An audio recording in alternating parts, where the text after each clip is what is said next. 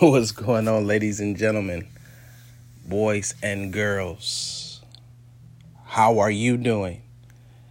That's a real question. How are you doing? Do you know how many people start their day?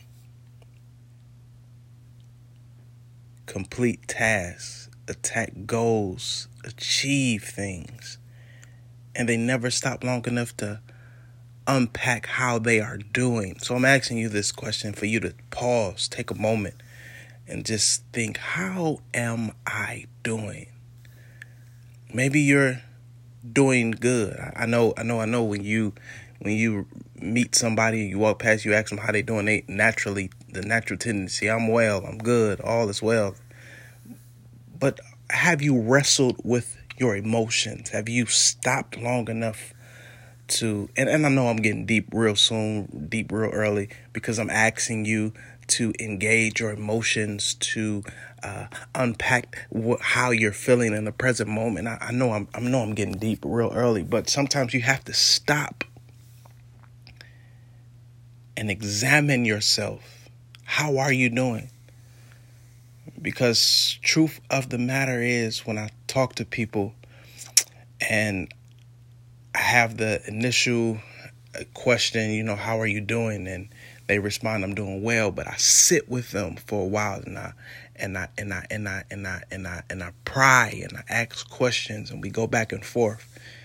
And come to find out that people are doing good on the surface, but sometimes underneath the surface there are a lot of emotions that have not settled or there are a lot of emotions that are all over the place that when you sit in and and you sit and talk with someone they will tell you that they're doing good but then hey after a while hey i'm dealing with shame i'm dealing with guilt dealing with hurt i'm dealing with the fact of loneliness and then i sit with them for a while and we just go back and forth and then come to find out the conversation that we had was the conversation they needed to have just for them to feel better overall. And it goes from I'm doing good to man, thank you for talking to me. I needed this. Thank you for uh, pausing long enough. No, nobody really uh, stopped long enough to see how I was doing internally. And, and I deal with that on a day to day basis, but that's the profession of my call. So I pause and ask you this same question How are you doing today? And if you're doing good, I'm praying uh, that you see better. And if you're not doing as well, listen, I just want to encourage you that things will get better, that it's just the natural course of life, that sometimes things are great. And just like the old colloquialism, uh, seasons change meaning that you can be good one day and something can happen in life and things can, you know, shift for the worst, turn for the worst It's just the natural course of life, or things can be bad. And I'm talking to the people who are currently dealing with a bad moment. It will get better if you just stay at it. Listen, um, you may be dealing with something. I don't know. Uh, a lot of people deal with uh, silent anxiety and depression and the loss and grief and really don't know how to wrestle and work through those processes uh, to come out on the better end. But if you put the work in, uh, your grief can turn into joy. Your mourning can turn into happiness and, and laughter if you put the work in and uh, you you get through this thing. So I just want to encourage you. Uh, hold on. Listen, hold on. Keep getting up putting one foot in front of the next. Uh, don't allow your hopes to dwindle. Don't allow your faith to fail you. Uh, one thing I, I do find to be true is that the hope and faith that we have has the propensity to keep us uh, keep us striving to obtain a level of peace and satisfaction that our hearts desire that when we continue to hold on to our faith and to our hope, that faith and hope it can birth or keep us connected to that which we are expecting, and um, whatever you're expecting. I, I'm, I'm, I'm, I know that if you're expecting it, you got a great level level of hope. Whatever you're you're hoping for, and whatever you have faith in, it's you you you it's keeping you. You're you're pressing your way because of what you feel on the inside that that it's right around the corner. And i want to just tell you do not lose sight of your goals whatever you're chasing. Many of you may be chasing a, a um, entrepreneurial um, uh, endeavor. Somebody may be uh, starting a business. Somebody may be going back to school to obtain that degree. I don't know. Your family may be your joy, your hope, your faith, and you're holding on because you realize that you're connected to so many people around you, and that if you don't do it, uh, your family uh, will not um, uh, will will will suffer, and, and and your hope is in your family. Your hope, and if that is your hope, keep on fighting for your family. Listen, keep fighting, keep going, keep pressing your way. And I just want to keep encouraging you that it's going to be all right, that your your work will not fail. Listen, um, do not get weary. That's what the Bible says. Do not get weary in well doing, for in due season you will reap if you faint not. Let's say that together.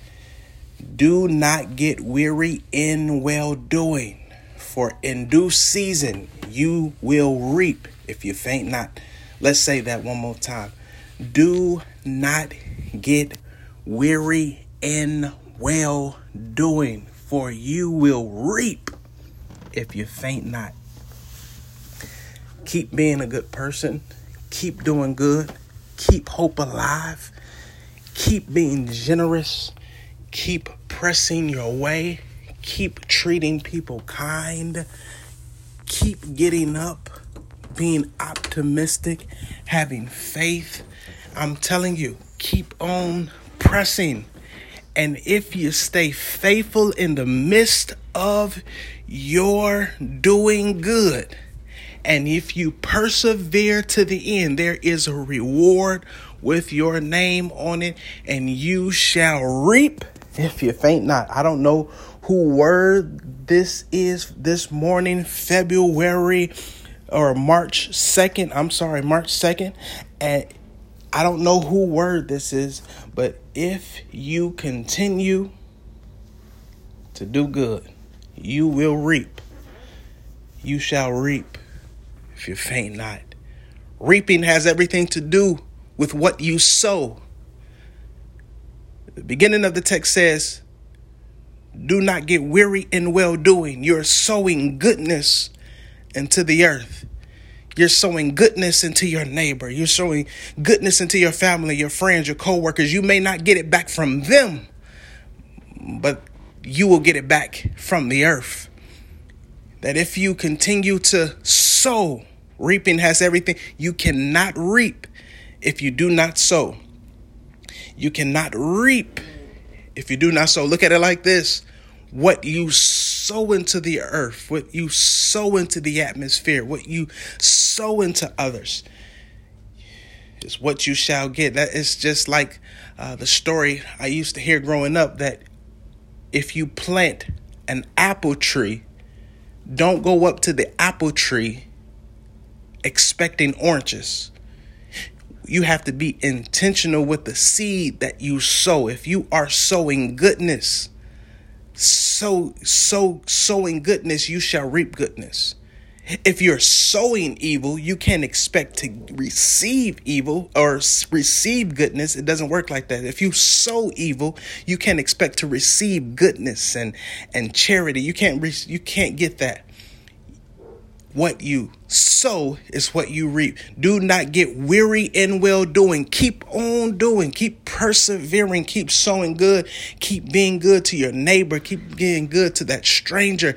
Just continue to be uh, philanthropic in the earth and watch how it comes back to you. I don't know. I think I encouraged about five, ten of y'all who just tuned in that in this season of your life, you can't expect or you can't to, to lose hope. You can't afford to lose sight because what God is getting ready to do for you is getting ready to blow your mind. Continue to encourage to stay encouraged, continue to be joyful, continue to be ha- choose happiness for yourself. Many people think that others bring happiness into their life. And yes, they can bring a moment of happiness into your life, but that's momentarily. But when you decide to be happy for yourself, you go on a journey in life to seek happiness on the inside that will uh, last and exceed a moment of happiness. So so when you choose to be happiness, you look for outlets that cause you to be happy. When you decide to be loving, you decide to look towards avenues that cause you to love. When you want peace and when you want grace and joy, you decide to make up in your mind and live internally which comes out as an outward expression of what you are seeking to receive. So when you choose happiness for yourself, You don't have to expect happiness from a partner or somebody else because you're happy all by yourself. That if you are dropped off in a in an island, you can find happiness all by yourself. And I and I know somebody needed to hear that. And I just wanted to encourage you. Listen, keep hope alive, keep your faith. Understand, do not get weary in well doing, for in due season you will reap if you faint not. Don't give up. I know it gets dark at times. I know the moments seems as fleeting and it gets difficult, but if you continue to press your way through this thing, it's going to come back. It's going to come back for you. Listen, I want you to have a blessed day. I want you to stay hopeful. I want you to keep your head up. If you can keep your head when others around you are losing theirs, there's a great reward for you. All right, be good. I'll talk to you later. Peace.